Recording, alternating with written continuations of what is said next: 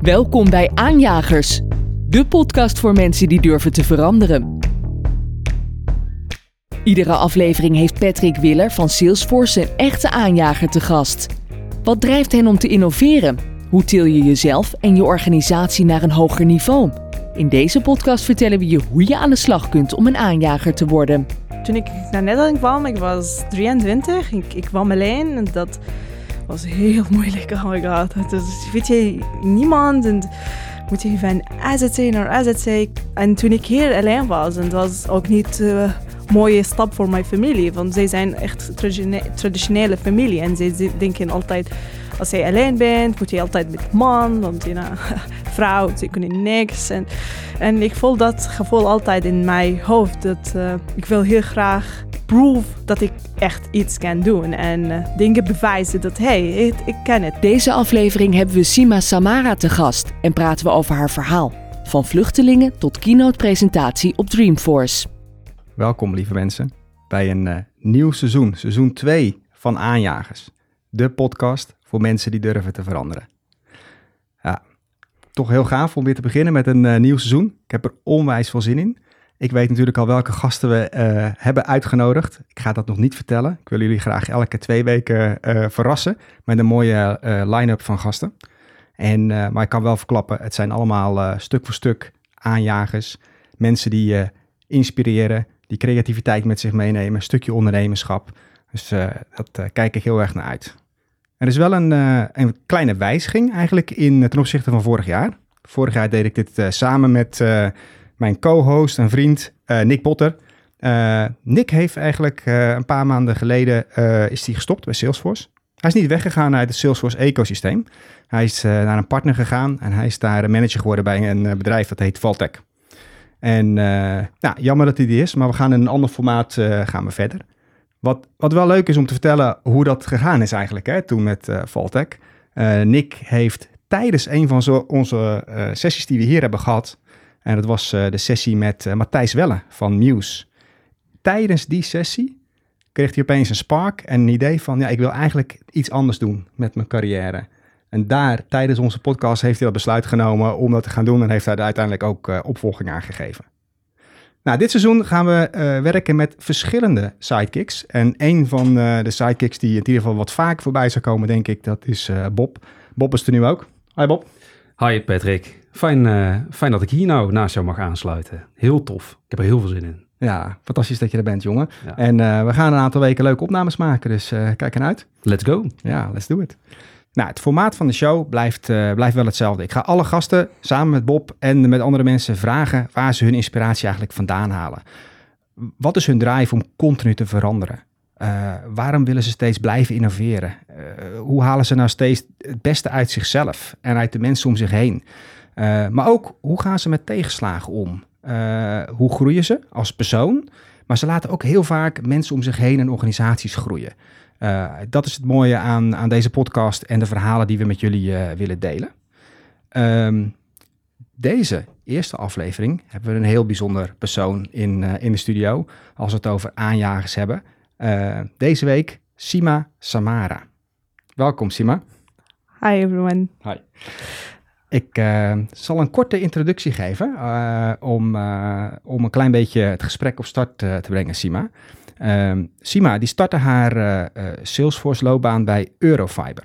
En nu werkt ze inmiddels voor Capgemini als Salesforce developer. Maar ze heeft een hele uitzonderlijke start gemaakt. Want haar reis begon eigenlijk in het Midden-Oosten, waar zij vandaan kwam. Waar ze een zesjarige studie als farmacie-apotheker is geworden.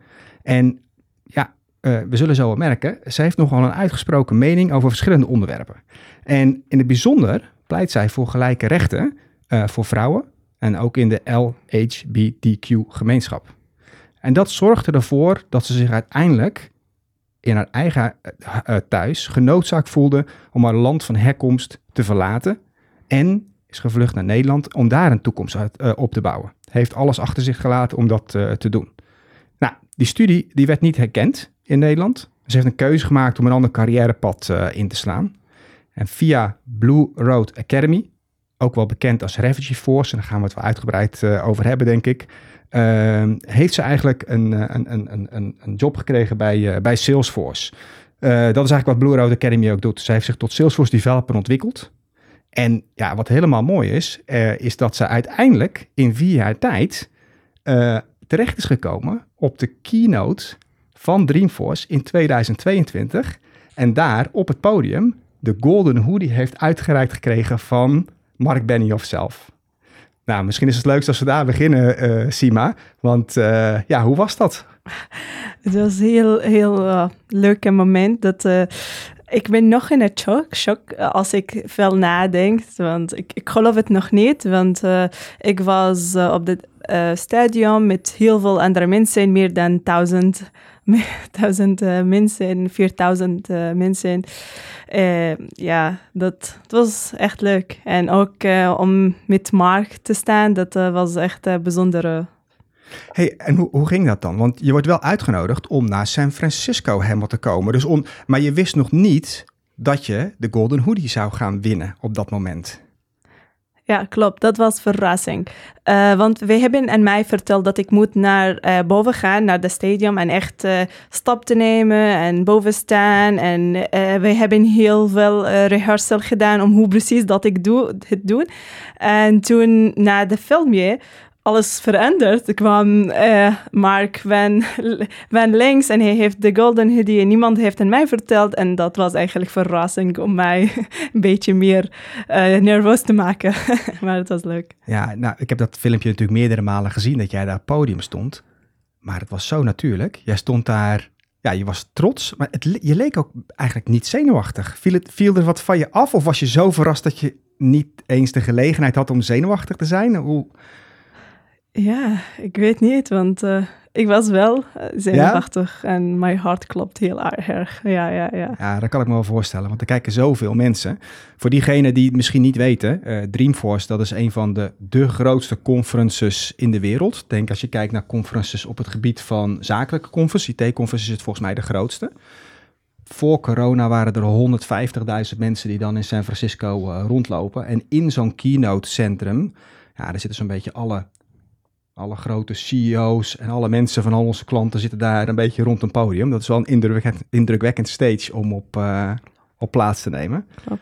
En als jij echt boodschappen hebt en, en dingen die jij wilt aan mensen vertellen. En voor mij dat was heel belangrijk toen ik uh, daar stond. Ik, dacht, oké, dit is mijn moment dat ik moet echt aan mensen vertellen. Kijk, hoe is het goed als jij vluchteling neemt. En andere mensen die hebben niet echt IT-background, zeg maar. Andere dingen hebben gestudeerd, maar ze kunnen wel in jouw bedrijf kunnen een job vinden en ze kunnen echt goed dingen doen. En dat was heel belangrijk voor mij. Ik was heel erg gefocust op die boodschappen echt aan iedereen te vertellen. Dan, dan kunnen het echt doen. Ja, die boodschap is heel mooi overgekomen. Wat gebeurt er daarna? Want er komen er waarschijnlijk heel veel mensen op je af om ja, uh, heel veel mensen komen tegen mij te praten, foto maken. En echt, wauw, heel veel mensen. En ik denk dat ik heb meer dan 100 foto's gemaakt in één dag. Met heel veel mensen. En ik ken niemand, snap je dat? En het begon, ik dacht, oké, ik moet echt mooi zijn in dit foto. En daarna dacht ik, uh, uh, ik ga gewoon smile. Ga gewoon staan. ja. ja. dat was echt leuk. En ook met heel veel mensen. ik heb gevoeld dat heel veel mensen hebben gemotiveerd. En dat was heel belangrijk voor mij. Dan andere mensen denken, hey, als Sima het kan, dan kan ik ook het doen. Dus dat was heel belangrijk voor mij. Ja, dat is ook het mooie aan, aan dat verhaal natuurlijk. Hè? Uh, het is ook wel leuk om te vertellen dat uh, uh, de gasten die we uitnodigen voor deze podcast, die, dat crowdsourcen we binnen Salesforce. Dan hebben we Slack en dan vragen we aan een groep mensen van, nou, wie vinden jullie nou het meest geschikt om te komen?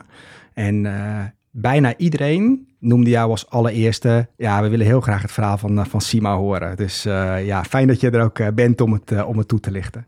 Ja, ja denk ik. En die Golden Hoodie. Ja, mensen, jullie kunnen het nu niet zien, maar ze heeft hem ook aan hoor, de Golden Hoodie. Daar moeten we het ook even over hebben, want we praten over een Golden Hoodie alsof iedereen weet wat het is. Maar misschien is het leuk als jij vertelt wat het is. het is Het is echt een mooie ding die... Ik ben heel trots om deze te hebben, want uh, dat, dat betekent dat jij iets heeft gedaan, dat uh, inspiratie of uh, iets voor de Salesforce community, dat kunnen misschien andere mensen ook motiveren, motiveren worden en kunnen ook dezelfde stap of andere stap dat goede voor het community maken. En het is zeg maar gewoon een jacket dat lijkt als goud, maar het is niet echt goud, helaas. maar het is ook double-faced. Dan kun je in de zwarte doen of uh, in de gouden doen. Ja, dus oh, echt dus gaaf, als je hem hè? omdraait, is Ja. het gewoon een normale uh, Ja, trailblazer. Normale oh, wat trailblazer. grappig. Ja, dat is... uh, Dat wist ik niet. Zo leren we nog eens wat. Ik, eh, ik sta ervan te kijken en ik, ik vraag me ook af hoe reageerden jouw collega's toen jij eh, weer eenmaal terug was in Nederland? Hoe, hoe reageerden ze op, op het feit dat je, dat je daar gestaan hebt, dat je die golden hoodie hebt gekregen? Ehm, ja, wat, wat waren de reacties? Uh, zij waren heel blij en zij waren heel trots. En uh, ja, wij hebben heel veel gepraat en zij willen ook graag een stapje uh, nemen. Dat ze kunnen ook iets doen voor de Salesforce community. En wij hebben heel veel na, na, nadenken over misschien een community maken. En ook hulp met uh, Capgemini, dat zij willen zo graag bijvoorbeeld een, een plekje geven als wij een event dan ze kunnen hosten. En veel mensen, zij willen ook vrijwilligers met alle die Salesforce community iets doen. Dan, dat is leuk, ja. Dus dat is echt een enorme impact die je hebt kunnen maken, nu al eigenlijk, hè? Ja. Heel bijzonder. Ja, wat ook wel misschien nog uh, interessant is om erbij te vermelden, die uh, Trailblazer en Golden Hoodie vesten, ja, die krijgen natuurlijk uh, veel mensen als ze klant zijn van Salesforce of als ze training gedaan hebben van Salesforce. En uh, we zullen ook een foto op social media plaatsen. Dan kunnen mensen eens kijken naar uh, hoe, die, uh, hoe die Trailblazers hoodies eruit zien. Maar die krijg je eigenlijk als je trails doet op Trailhead. En jij hebt ook jouw carrière voor een groot deel aan Trailhead te, hang, te danken eigenlijk. Hè? kan je misschien uitleggen wat Trailhead precies is en hoe jij het gebruikt hebt om Salesforce te leren? Ik hou heel erg van Trailhead, om eerlijk te zijn. Want Trailhead uh, heeft alles, snap je? Uh, en Salesforce is heel groot. En dat is de goede ding over Salesforce. Ik begon als Salesforce admin. En daarna heb ik uh, mijzelf verbeterd om Salesforce developer te worden. En ik heb alle de, de studie gedaan via Trailhead. Want je hebt alleen maar account nodig. Een e-mail en dan maak je het account. En het is gratis. En jij hebt alle de informatie en alle de knowledge. En dat is heel belangrijk. Stel dat jij heeft niks te maken met Salesforce maar via Trailhead kan je gewoon iets zeggen, zeg maar admin. Of, en het is heel organiseerd dat je kan gewoon uh, zoeken wat jij wilt. Ik, ik voel dat Trailhead zoals een grote map, dat je kan zoeken welke stad of land ga je naartoe en dan vind je gewoon trein of uh, vlucht. Je hebt alle die path, zeg maar. Je kan gewoon jouw eigen ding kiezen en dat helpt mij heel, heel graag. En dat is gewoon open voor iedereen. Klopt, ja. En um, hoe ben jij daarmee in aanraking gekomen? Want dat heeft volgens mij te maken met het feit dat... Misschien moeten we even wat terug in de tijd gaan. Hè? Uh, toen jij naar Nederland komt, en ik weet ook dat je niet zo graag praat over de periode ervoor. Dus ik pak het verhaal eigenlijk op op het moment dat je naar, naar, naar Nederland komt. Hoe ben je in Nederland terechtgekomen? Waarom waar heb je je keuze voor Nederland? En, of kon je die keuze ook maken om uh, in Nederland terecht te komen? Uh, ja, want voor mij was het heel belangrijk om in een land te zijn waar jij, jij vrij bent en jij mag kiezen wat jij wilt.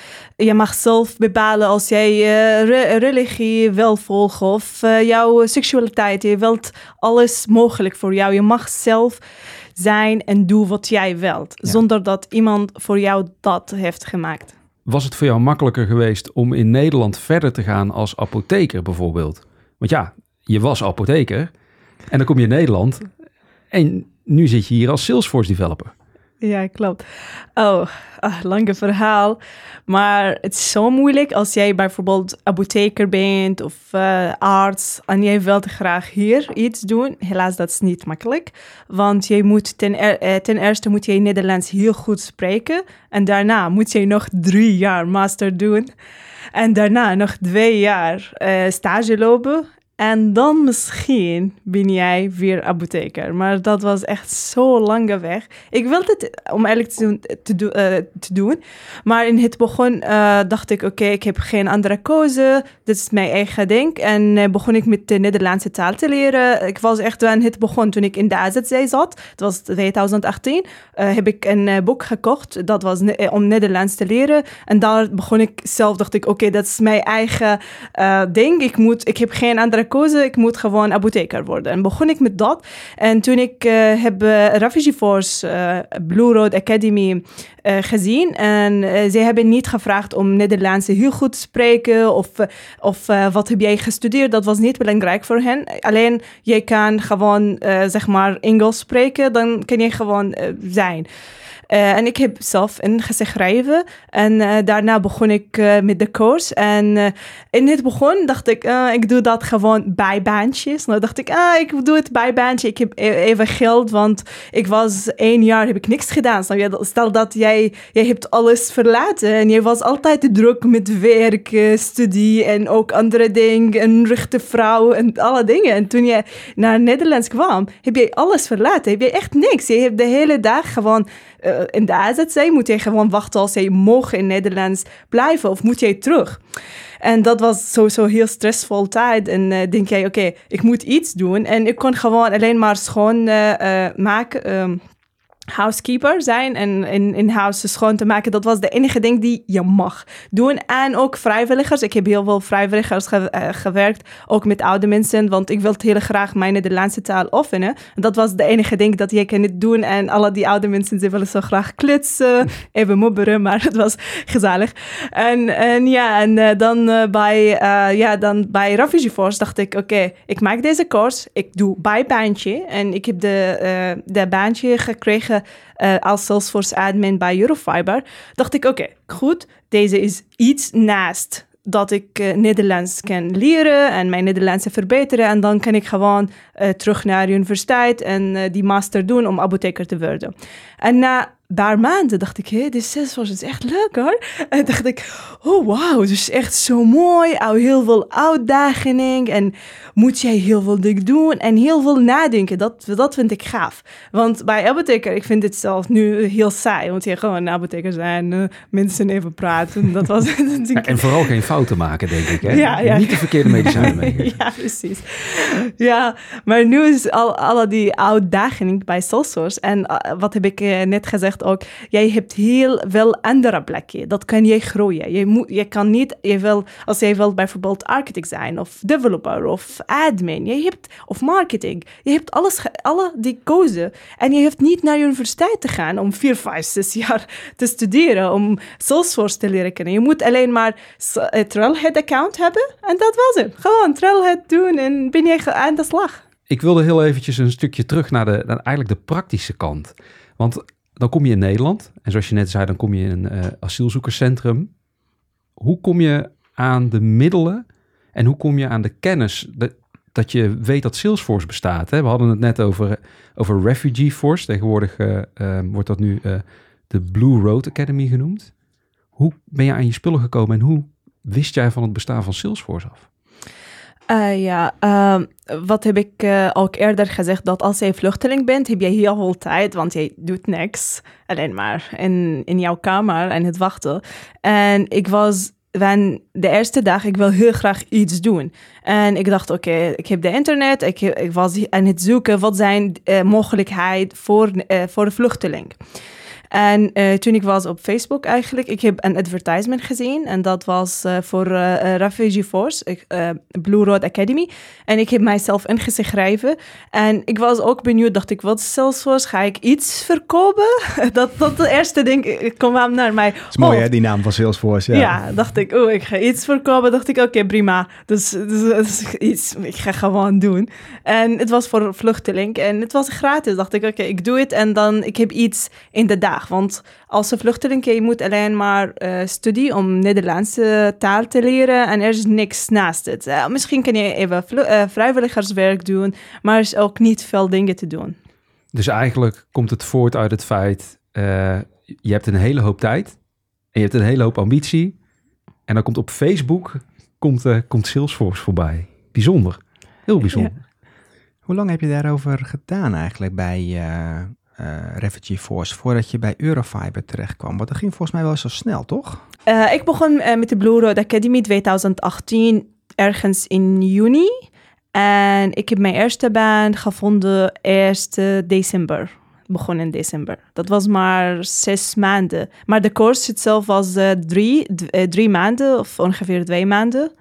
En eh, daarna kon ik een eh, werk vinden. Ja, is toch ook ongelooflijk hoe snel dat gaat eigenlijk, hè? Ja, heel erg snel. En dan de vraag ook hoe dat Eurofiber, eh, hoe dat ze bij jou zijn uitgekomen. Uh, eh, via eh, Refugee Force. Zij, zij, eh, Eurofiber is een partner met Refugee Force. Dan uh, zij willen zo graag met, eh, met alle die, eh, de studenten een interview hebben. En dan zij willen eh, twee mensen. Ik, ik heb eh, geluk dat zij hebben mij gekozen en ook andere uh, studenten. Ik heb begrepen dat je nu ook eigenlijk aan de slag gaat als ambassadeur voor de Blue Road Academy. Uh, nou, dat begrijp ik natuurlijk helemaal, uh, gezien het feit wat, uh, ja, wat je allemaal bereikt hebt in zo'n zo'n korte tijd. maar waar, waar gaat Blue Road Academy naartoe en wat wordt jouw rol? ja, voor nu is het heel belangrijk voor mij dat om andere mensen, ook andere studenten, vluchtelingen, om te, te, vertellen over hoe kan Salesforce jouw leven veranderen en hoe uh, Blue Road Academy jou helpt om echt aan de slag te zijn en baan te vinden. En ook voor de partners, andere bedrijven. Dat hoe belangrijk dat jij een vluchteling hebt op, in jouw bedrijf. Want ten eerste help jij deze vluchteling en ook de vluchteling zou heel loyaal zijn voor jou. Want vlucht, jij moet nadenken dat vluchtelingen hebben niet veel uh, kansen. Ze hebben maar één of twee kansen max. Want ja, we zijn niet hier opgegroeid. We spreken de taal niet goed. We weten de cultuur niet echt uh, heel goed. Want ja, dan hebben wij minder kansen. Maar als wij één kans hebben, zullen wij heel goed zijn. En deze kans echt heel goed vasthouden. En alles doen voor om te, te vertellen dat wij kunnen het. En wij willen graag dat gewoon loyaal zijn voor die bedrijf, want deze bedrijf heeft ons geholpen. En ik denk dat goed voor iedereen, voor de bedrijven, voor ook de overheid. Want dan als je vluchteling bent, dan neem jij uitkering, doe jij niks, weet jij niet waar jij moet gaan. En als bijvoorbeeld een werk hebt, dan moet je geen vlucht, uitkering hebben en dan gewoon aan de slag te zijn. Ja. Je geeft eigenlijk een prachtig pleidooi waarom werkgevers hierin geïnteresseerd moeten zijn. Hè? Heb je nog meer tips? Er, zitten, er luisteren naar deze podcast vrij veel werkgevers en ook veel mensen die werken met Salesforce. Uh, heb je nog wat, wat tips voor ze uh, uh, om met Blue Road Academy te werken? Waar moeten ze op letten? Hoe komen ze met jullie in contact bijvoorbeeld? Met de Blue Road Academy kan je gewoon naar de website gaan en daarna kan jij een, een, form een formulier invullen en dan kan jij uh, gewoon partner met de Blue Road Academy zijn. En uh, ja, dat is... Zo simpel is het dus eigenlijk. Ja. Nou, fantastisch. Ja. Sima, hoeveel tijd eh, ben jij eraan kwijt? Want ik, wij horen jou praten, horen hoe gepassioneerd jij bent over het feit dat, um, dat er een hele hoop mensen zijn die hier in Nederland komen die echt hun kansen willen pakken. En dat dat ook een voordeel is voor werkgevers. Um, uh, zie jij het ook als een soort missie en hoeveel, hoeveel tijd ben jij kwijt aan die missie? Uh, eigenlijk, het gaat ge geen tijd, alleen wat jij gaat doen. Bijvoorbeeld hier, ik moet over de Blue Road Academy en ook andere mensen. Het is gewoon vrijwilligers eigenlijk. Het is uh, vrijwilligerwerk. Het is niet uh, gewoon echte werk. Echt een passie voor je om, om, om, om zoveel mogelijk mensen ja, eigenlijk um, op de hoogte te brengen van het feit dat er dus een hele hoop mensen hier in Nederland in komen die van toegevoegde waarde kunnen zijn voor een organisatie. Ja, klopt. Ja. En uh, ja, ik ben heel. Ik hou heel erg van de Blue Code, want ik vind dat ze hebben mijn leven veranderen en ook heel veel andere mensen, andere vluchtelingen, ze hebben zijn leven ook veranderd. Uh, en daarom ik vind het heel belangrijk dat uh, mijn uh, boodschappen over Blue Road Academy te vertellen aan iedereen. maar in het eind is gewoon vrijwilligerwerk naast mij fulltime job bij Capgemini. Dat is, dus, ik moet echt balans hebben. En hoe vind je die, hoe vind je die balans?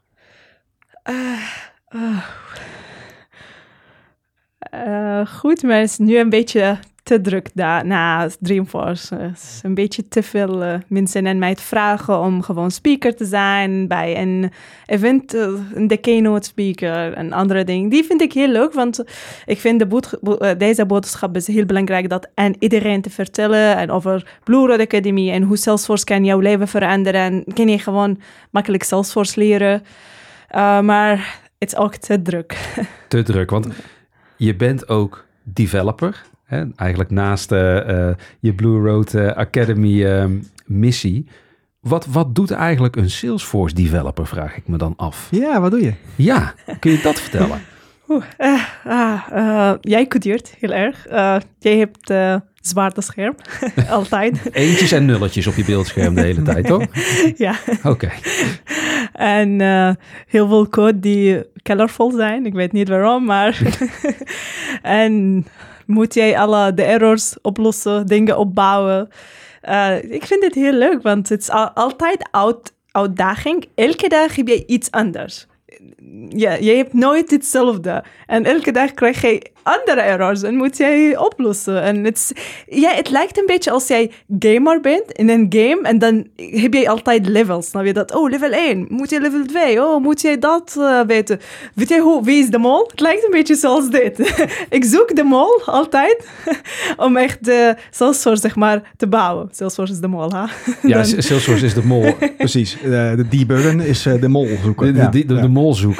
Um, en kun jij, uh, heb jij misschien een, een, voorbeeld voor ons van, uh, van een project waar je mee bezig bent geweest? Waar werk je naartoe? Wat is je startpunt? Uh, altijd als je op een project start, dan moet jij ten eerste begrijpen wat de business side en dat is ook leuk over Salesforce. Dat gaat niet alleen over de technical side. Daarom iedereen kan dat gewoon leren, want het gaat over de business. Wat zij willen graag hebben. En uh, hoe, hoe, hoe is de makkelijkste manier om zijn werk makkelijk te maken? Want Salesforce maakt zijn werk makkelijker. Dan kunnen zij alle die data in goede manier en ook tijd besteden makkelijker voor hen. En uh, ja, dus ten eerste, we, we hebben heel veel uh, afspraken met de client om te begrijpen de business. En dan hebben afspraken met de andere developer om te begrijpen hoe kunnen dat in makkelijker manier opbouwen. Want je wilt ook heel graag dat die, die, die ding die jij bouwt en de implementatie voor Salesforce makkelijk en ook handig. Want je wilt niet te moeilijk te maken voor jouzelf en ook niet voor de end user, zeg maar. Daarom, het gaat altijd over hoe kan jij het eerst eerste uh, stukje, uh, zeg maar de architect, solution architect, hoe kan de eerste stukje, of, of ik zeg altijd kunst, zeg maar tekenen. Want dat is heel belangrijk. Als jij goed tekent, alles zal makkelijker zijn, zeg maar, voor de andere developers. Hey en Sima, ben je nu ook nog steeds met uh, Trailhead bezig en nieuwe dingen aan het leren? Uh, ja, zeker. Uh, nu begon ik met CBQ. CBQ ja. vind ik echt heel gaaf. Uh, het gaat over... CPQ moet je even uitleggen hoor. Ja. Waar staat dat voor? ja, ja ik, ik, durf het zelf niet te zeggen, maar, uh, want dadelijk zit ik verkeerd met die afkorting. Maar misschien kun jij het vertellen. CPQ gaat over configuration, price, code. Dat gaat over Sales Cloud. Bijvoorbeeld als jij een customer bent en jij wilt heel graag dat uh, jij code maakt voor, voor, de, voor um, de customers. En dan moet je het makkelijk zeg maar in Salesforce zijn en dan alle de calculation zal dat voor, via CPQ afgeven gemaakt. Dan heb jij zeg maar de, van end-to-end, uh, wanneer het begon, toen jij een order plaatst, tot jij echt een offer en de code naar de customer stuurt. Gaaf dat je daarmee uh, bezig bent en nog steeds continu blijft ontwikkelen. Ik ben heel erg nieuwsgierig waar jouw ambities liggen. Jij gaat zo hard en jij zegt zelf, ja, Nederlands, ik praat niet goed Nederlands. Maar je bent die vier jaar, je praat echt heel erg goed Nederlands. Um, als we wat verder in de toekomst kijken, waar wil jij naartoe? Uh, ja, heel goede vraag. Um, wat heb ik ook eerder gezegd, dat uh, Salesforce is heel groot en zoals een grote map, dat je kan alles kiezen. En ik vond dat architect, solution architect of technical architect, heel mooi, want ik hou heel erg van kunst. En ik vind het heel leuk om echt alles te nadenken en alle die imagination te doen voor een mooi stukje te maken voor de bedrijf. En dat, dat wil ik, lijkt mij heel goed en om die kant te nemen. Die kant ga je dus je zelf doorontwikkelen. Ja. ja, fantastisch. En je vertelde nog wat over uh, kunst. Je schildert ook, hè? Uh, ja, ik schilder. Ja, dus dat is eigenlijk de manier om nog even te ontspannen na alle drukke inspanningen die, eh, die je allemaal verricht voor Salesforce. Wat, wat scheelde je? Toen ik in mijn eh, thuisland was, ehm, heb ik heel veel eh, eh, geschild- geschilderd. Want ik vind schilderen heel mooi om uit te drukken over die rechten van de vrouwen, LGBT. Dat vind ik heel belangrijk on- onderwerp te praten. En met kunst kun je dat gewoon uit alles uit te drukken. Kun je een eh, beeld schetsen voor onze luisteraars eh, qua kunst? Hoe, hoe komt er dat dan uit te zien? En wat, voor, wat voor kunst maak je? Portretten of eh, een landschap? Of, Eh, ik maakte altijd kunst over verhalen. Bijvoorbeeld als, je, als ik over die vrouwenrechten verhaal, dat vrouwen kunnen niet zelf dingen doen en kiezen. En soms, soms vrouw, eh, ehm, ja, niet zelf dingen doen in, het, in jouw thuisland. Hè? Hebben, we het, hebben we het inderdaad over. In die context bedoel jij het. Ja, klopt. En eh, eh, ehm, ja, zoals een vrouw, dan moet je jouw mond niet veel openen en dingen uitdelen. En zijn altijd minder rechten voor vrouwen met vergelijking met mannen. Mannen kunnen alles doen, vrouwen minder.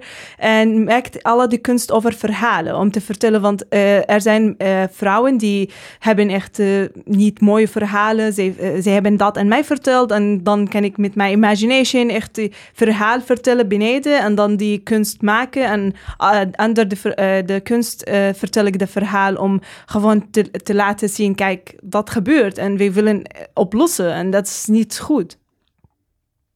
En je schildert nu nog steeds, toch? Of niet? Eh, ja, ja. Ja? en Kunnen, kunnen men, hou je het voor jezelf? Of eh, post je wel eens iets? Kunnen mensen jouw werk zien ergens? Eh, Oh ja, ja, ik heb eh, Instagram en eh, ook eh, Facebook. oh, dus, wat leuk. Nou, die zullen we ook bij de show notes eh, zetten, toch? Dat Ja, mensen dat, eh, ik heb al hele mooie dingen voorbij zien komen toen ik, eh, toen ik eventjes eh, googelde. Oh, oké.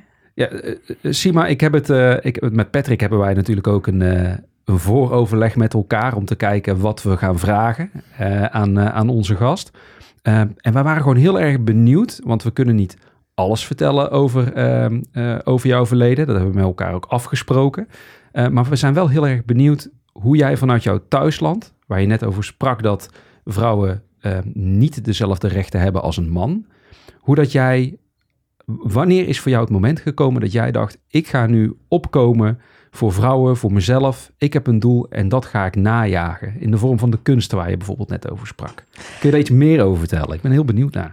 Ja, eh goede vraag. Eigenlijk, eh, ik denk dat het, het eh, toen ik jong was, begon dit. Want ik, toen ik acht of zeven was, ik wilde het zo graag gewoon hardlopen met de andere kinderen. En eh, mijn familie zijn heel traditioneel en streng. Ze zeggen, nee, je mag niet hardlopen, want jij bent vrouw, je moet gewoon eh, thuis blijven. dacht ik, ik was maar zeven, hè? Zeven jaar. ik was echt een kindje. Maar al, iedereen was eh, buiten, ze waren gewoon die, de jong, jon-. En ze waren geen meisjes, alleen maar jongens. En mijn broer was daar ook. Dacht, ja, maar mijn broer gewoon, hij is aan hardlopen, waarom kan ik niet? En zij zeggen, ja, jij bent vrouw, je moet gewoon mond houden, gewoon hier zitten of in jouw kamer. Punt. En toen, ja, en dat was altijd zo. Had. Ik was elke keer opgegroeid en iedereen kijkt, als ik iets goed doe, iedereen kijkt, oh, heel mooi, maar je bent vrouw. Dat, dat, ja, ik ben opgegroeid om alles te horen. En eh, wat heb ik net ook gezegd, dat eh, alles is wel gekozen voor jou. Je, je mag niet zelf doen wat jij wilt. En niemand luistert hier erg naar jou, want jij bent vrouw. Iedereen denkt, uh, ze is vrouw. eh, eh. Als je iets wil zeggen, jij bent vrouw, jij weet niet veel. En dat, ja, dat was heel veel altijd in mijn hoofd. Dat waarom ik mag niet, maar wel mijn broer. En we zijn bijna hetzelfde uh, uh, leeftijd. Uh, waarom hij is moge, mogelijk, alles voor hem en voor mij niks. En ja, dan begon dat. En toen ik ouder en ouder op de universiteit zat, kon ik ook niet doen wat ik wil, want ik wil niet apotheker worden. Ik wilde het uh, gewoon architect, dat architecture. Ja, ja, ja. ja. ja, ja architect, zeker. Ja. Maar architecten in uh, de zin van gebouwen maken. Gebouwen Niet maken. de technical nee, architect nee, nee, waar we het net over hadden. Ja. En dat was ook niet mogelijk, want zij vinden het, is gewoon voor mannen en niet voor vrouwen.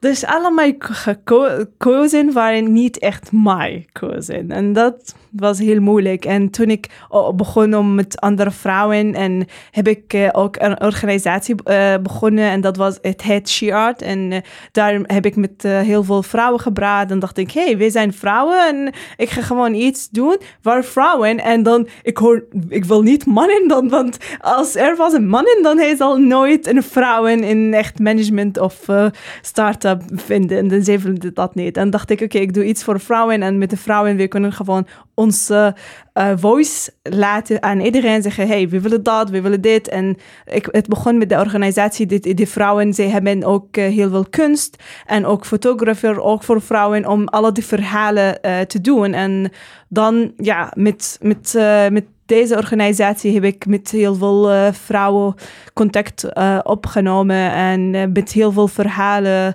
gehoord waar ik, was, ik dacht, wauw, alle verhalen zijn echt zo verdrietig. Dat ik had geluk als ik niet mocht hardlopen. Want andere vrouwen hadden echt een heel slechte situatie. Dacht ik, wauw, dat moet veranderen. Maar ja. En is er ook iemand toen de tijd geweest die je daarbij geholpen heeft? Een van die andere vrouwen waar je steun had, die je als mentor kon zien, die jou hielp? Uh, ja, eigenlijk. Er was een vrouw die vind ik heel uh, sterk en gaaf. Zij begon ook iets, het She Fighter. Uh, zij, uh, zij, uh, zij is echt zo sterk en zij dacht, oké, ik doe iets dat jij als een vrouw, jij kan um, defense, jouzelf. Want als vrouwen, wat heb ik niet gezegd, jij hebt altijd harassment of iemand heeft jou uh, betting uh, had you, uh, hoe zegt dat? Iemand heeft jou geslagen? Uh, ja. ja, iemand heeft jou geslagen, want jij bent vrouw, dan iedereen kan jou geslagen. Alle vrouwen zijn geslagen. maar wat bedoel, bedoel, je dan, bedoel je dan specifiek huiselijk geweld? Huiselijk geweld, ja. ja, dus ja. achter de voordeur? Ja. Ja, en dat is gewoon normaal, hè? Dat, ik bedoel, iedereen denkt, als jij man en dat doet, je bent een sterk man. Gewoon, ja, maar, prima. Simon, je, je, je groeit op, je hebt, je hebt ook vriendinnetjes. Um, heb je het dan met elkaar daar ook over? Of wordt dat, wordt dat stilgehouden? Als je met elkaar bent, vrouwen onder elkaar. Ja, ik weet later natuurlijk in die organisatie wordt er over gesproken. Maar als je als kind opgroeit, praat je daar dan over met je vriendinnetjes? Soms wel, soms niet, want het is een beetje gewend. Iedereen gewend en iedereen vindt het gewoon normaal. Weet je, als je iets gewend bent, dan, dan zie je het niet. Zie je niet dat is fout en dat is niet mogelijk, maar zie je het gewoon ja, gewoon gewend. Soms spreek ik af en toe met vrouwen, maar heel veel vrouwen zijn ook bang om over dat te hebben. Ja. Is het voor jou ook nog een doel op zich voor in de, in de toekomst, hè, om te kijken of dat je dat nog zou kunnen veranderen? Hè? Want uh, eigenlijk als we kijken naar je leven tot nu toe, um, zie je uh, heel veel strijdlust. Uh, je hebt organisatie opgericht. Je bent nu ook ambassadeur voor een organisatie die opkomt voor, uh, voor rechten van mensen die het wat moeilijker hebben in de maatschappij. Uh, zie jij jouzelf ooit nog een keer terugkeren naar je thuisland om daar iets te veranderen? Of om misschien wel vanuit Nederland of een andere plek iets te betekenen? Uh, ja, dat is een heel belangrijke vrouw, uh, vraag. Uh, ja, ik wil zo graag iets doen. En ik ben bezig eigenlijk om iets echt te doen in dingen te veranderen en te helpen. Wat vind ik heel belangrijk, dat uh, ik veel praten over LHBT, over religie, want wat vind ik ook niet fijn in mijn thuisland, dat je kan dat niet ook kiezen. En dat vind ik heel raar en ik word heel gek van. Want als jij wilt bijvoorbeeld jouw religie niet of uh, jouw uh, identiteit veranderen, dan ga je dood. Dus dat is niet grap ik vind het echt zo raar dat uh, jouw eigen leven, jij kan niet zelf kiezen wat jij wilt. En dat wil ik heel graag veranderen. En ik denk, uh, als jij dat verandert, gaat over de boodschappen, dat jij gewoon dat vertelt, zoals dit podcast of de andere. En met ook, ook uh, mensen die in Nederland zijn, die komen ook van mijn thuisland, om gewoon daarover te hebben. Dat is gewoon normaal. En je kan jouzelf, want er zijn ook heel veel mensen die zijn in Nederlands, maar ze zijn vluchteling door de oorlog, iets anders. Dan begrijpen dat soms niet heel veel. Dan, dat, dan kan ik met mijn taal ook dat uitleggen. Dat is gewoon andere mensen, die kunnen zelf kiezen wat uh, is niet mogelijk, maar in, in onze land, zeg maar. Maar ja. Ja, prachtige missie. Ja. Ja. Ik vind het heel eh, Ja, dapper su- dat je erover, eh, dat je erover eh, kan praten. En ik denk ook dat je het zoveel al erover gehad hebt. eh, maar dat het een moeilijk onderwerp blijft. Het is ook een soort eh, ja, missie van je om, om erover blijven praten. Hoe moeilijk dat het ook is. Want dat zien we ook. Ja. Hè? Het, is, eh, het is geen makkelijk onderwerp. Maar ja, ik ben nu blij. Heel blij eigenlijk. Het is, eh, om eerlijk te zijn, het is heel moeilijk om jouw eh, dingen, of jouw leven opbouwen in een nieuw land.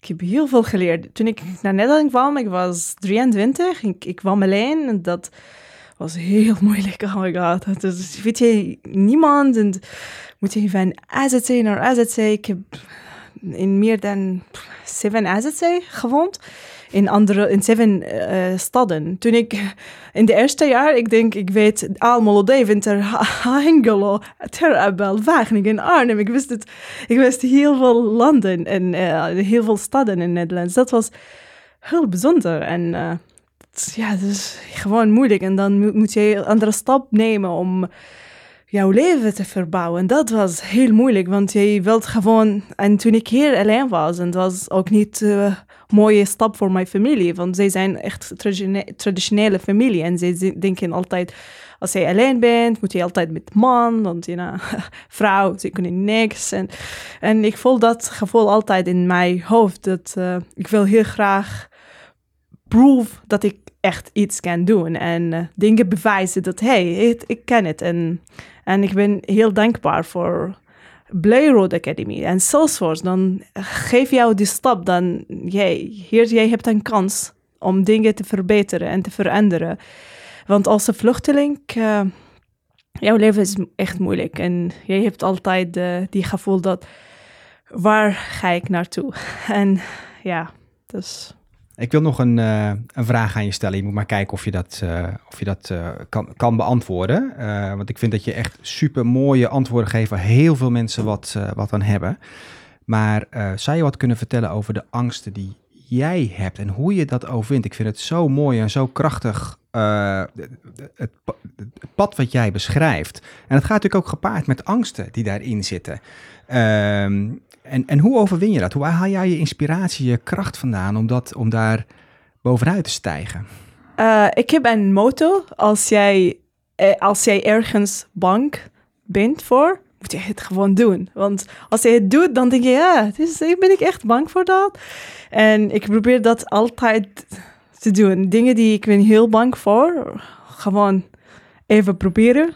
Ja, wat gaat gebeuren? Dat, misschien ben je dood. En, dat was het, maar misschien niet. Dan moet je gewoon proberen. En ik heb echt deze motto in, in mijn hoofd altijd. Als ik bang, als jij ergens bang bent, moet je het eh, gewoon proberen om te doen. En dan kijk jij naar wat, wat gebeurt en eh, leer jij heel veel. Ja. Want eh, Dat is eigenlijk de enige manier om je angsten te overwinnen. Hè? Het gewoon ja, proberen, te confronteren en eh, ja, leren daarvan. Ja, en, en leer daarvan. En de overstap die ik, eh, die ik daarmee wil maken is... eh, ik, ik, ben, ik ben ook student geweest. Ik ben een hele matige student geweest. Want ik vond leren met name ook heel saai. Ja, want je bent natuurlijk vol passie aan de slag gegaan op onze Trailhead-omgeving. Maar er moeten toch ook momenten zijn geweest dat je dacht... Boah, dat hele Salesforce, dat hele leren, ik ben er eigenlijk al even klaar mee. Heb je die momenten gehad? Ja, ja, ik had heel veel. Je mag eerlijk zijn. Ja, ja, ik was aan het huilen. Ook met coding, want soms krijg je error en zelf de error. En dan denk je, oh, waarom ben ik hier? maar dan, dan moet, in mijn geval, als ik dat gebeurt, ik moet even lopen en even buiten gaan. En dan denk ik, oké, Shima, ik, ik moet eigenwijs. Ik ga niet hier stappen. Stel dat jij een games, gamer bent, dan ben je niet bezig met een game of iets dat jij wilt gewoon winnen. Je know? Het gewoon gaat over verloren of winnen. En ik dacht, oké, ik moet, ik moet het doen en dan ben ik winnen. Want als jij het afgemaakt, ben je heel blij. En dat, de, de blij daarna, heb ik, ik ben zo erg comfortable, comfortable, dan denk ik, ik wil het doen. Dan krijg ik die gevoel dat ik blij ben en oeh, het is af. Dus het is echt gamification van je werk. Ik kan het eigenlijk iedereen aanraden. Hè? Maak er een spelletje van. Hoe, ja, hoe zou ze daarop komen? Hè? De gamification van idee. Trailhead misschien. Ja. Ja, daar hebben we het eigenlijk helemaal niet gehad over eh, de gamification van Trailhead. Maar dat, dat maakt het wel heel erg verslavend. Hè? Het is een leermanagement systeem. Elke keer als je weer een module hebt gehaald, krijg je weer wat punten. Haal je weer een badge. En dat werkt in de praktijk toch wel heel erg goed. Klopt, Dat is wel sterk. Speel je ook games? Ja, daarom. Ja, ik hoor je al een paar keer zeggen eh, games. Wat, wat, wat speel jij voor games? Oh, ik speel GTA. Ah, heel goed. Ja, ja, ja, ja. ja. En ook onder die Mario Kart en zo deze ding. Ja, nou, GTA, die ken ik ook wel. En eh, jij speelt een, bent meer een Call of Duty man. Ja, ik, eh, Call of Duty. eh, niet- heel vredelievend, maar toch wel, eh, wel lekker af en toe. Ehm, GTA is ook niet echt vrede. Nee, nee, nee. Auto's, eh, auto's stelen en, eh, en crimineel gedrag. Maar misschien dat dat ook wel het, ehm, het mooie is dat je kunt ontsnappen even aan je, aan je eigen wereld. Ehm, en ook in mijn geval ehm, eh, bijvoorbeeld een, eh, een FIFA, een voetbalspel. Het is toch leuk dat je voor je gevoel zelf even op dat veld naast Messi mag, eh, mag staan. En ja, dat helpt je gewoon enorm bij het behalen van je doelen. We hadden het inderdaad over onze trailhead-omgeving, die gamification, het winnen van een sticker, het, het, het winnen van een hoodie eigenlijk door het behalen van punten. Maar onderliggend zit daar, zit daar iets aan vast. Hè? Het, het leren van, van nieuwe skills. En het zijn niet alleen hard skills, eh, hoe moet je coderen bijvoorbeeld, maar het gaat ook over soft skills. Hè? Je kunt, hoe, ga je met mensen om? Hoe spreek je in een, eh, in een groep? En ik denk dat, dat hem daar de kracht in zit. Als, eh, als mens haal je er meer uit dan alleen kennis over het Salesforce-platform. Ja, je je hebt het echt over het Trailhead platform. Ik heb het echt over het. Trailhead-platform. Ja. Ja, Niet wat- over FIFA, daar wil ik Ja. het ook wel over hebben. Ja, wat ik er ook heel mooi aan vind is dat eh, veel mensen vragen wel eens eh, toegang tot Salesforce. En eh, ja, via Trailhead kan je gewoon toegang krijgen. Hè? Dus als mensen ooit een keer Salesforce willen gebruiken en gewoon aan willen zetten en eens kijken, ja, ga naar Trailhead en start het gewoon op. Dus Ja, ja, ik geloof wel dat we goed gesponsord worden door Salesforce. Dat Ja. moet ook wel, hè, na al dat Salesforce. Maar ehm, inderdaad, start het op, gebruik het. Ehm, het. Het mooie daarvan is, er staan demo-omgevingen voor je klaar. En dat is iets wat ik eigenlijk nog bij geen enkele andere, andere organisatie gezien heb. Dat het gewoon gratis is. Volledig toegang tot een demo-omgeving. En je ziet gewoon, je hebt direct resultaat van hetgeen je gemaakt hebt. En dat is wel kicken. Ja, nou, we hebben het normaal gesproken in deze podcast helemaal niet zoveel over eh, Salesforce als bedrijf. Maar nu we hier met Sima zitten, is dat gewoon absoluut de rode draad eigenlijk in hoe zij het heeft geleerd. Hoe eh, Blue Road Academy eh, daarbij geholpen heeft. En nog steeds ben je nu de doorontwikkeling naar Technical Architect, doe je op die manier. En dat geldt denk ik voor alle mensen die met Salesforce werken. Je, continu hou je je vaardigheden bij door middel van Trailhead. En het trekt ook heel veel nieuwe mensen in het platform. Ja, dus... eh, ja, ik vind het eh, fantastisch dat je hier bent eh, geweest, Sima. Ik vind je onwijs inspirerend. Ik denk dat je een voorbeeld bent voor veel mensen. Eh, ik hoop dat heel veel mensen naar deze podcast eh, gaan luisteren en eh, ook zo geïnspireerd zijn als, eh, als wij. Ehm, ik wil je heel erg bedanken voor je openhartigheid, wat je allemaal doet eh, voor, ehm, ja, voor iedereen eigenlijk. Fantastisch. Dankjewel, ik ben blij om hier te zijn. Dankjewel. Super, dankjewel. Jij bedankt. In de volgende aflevering is Reinier van Leuken onze gast. Met hem ontdekken we de wereld van kunstmatige intelligentie. Ga voor meer verhalen over echte aanjagers naar salesforce.com/aanjagers.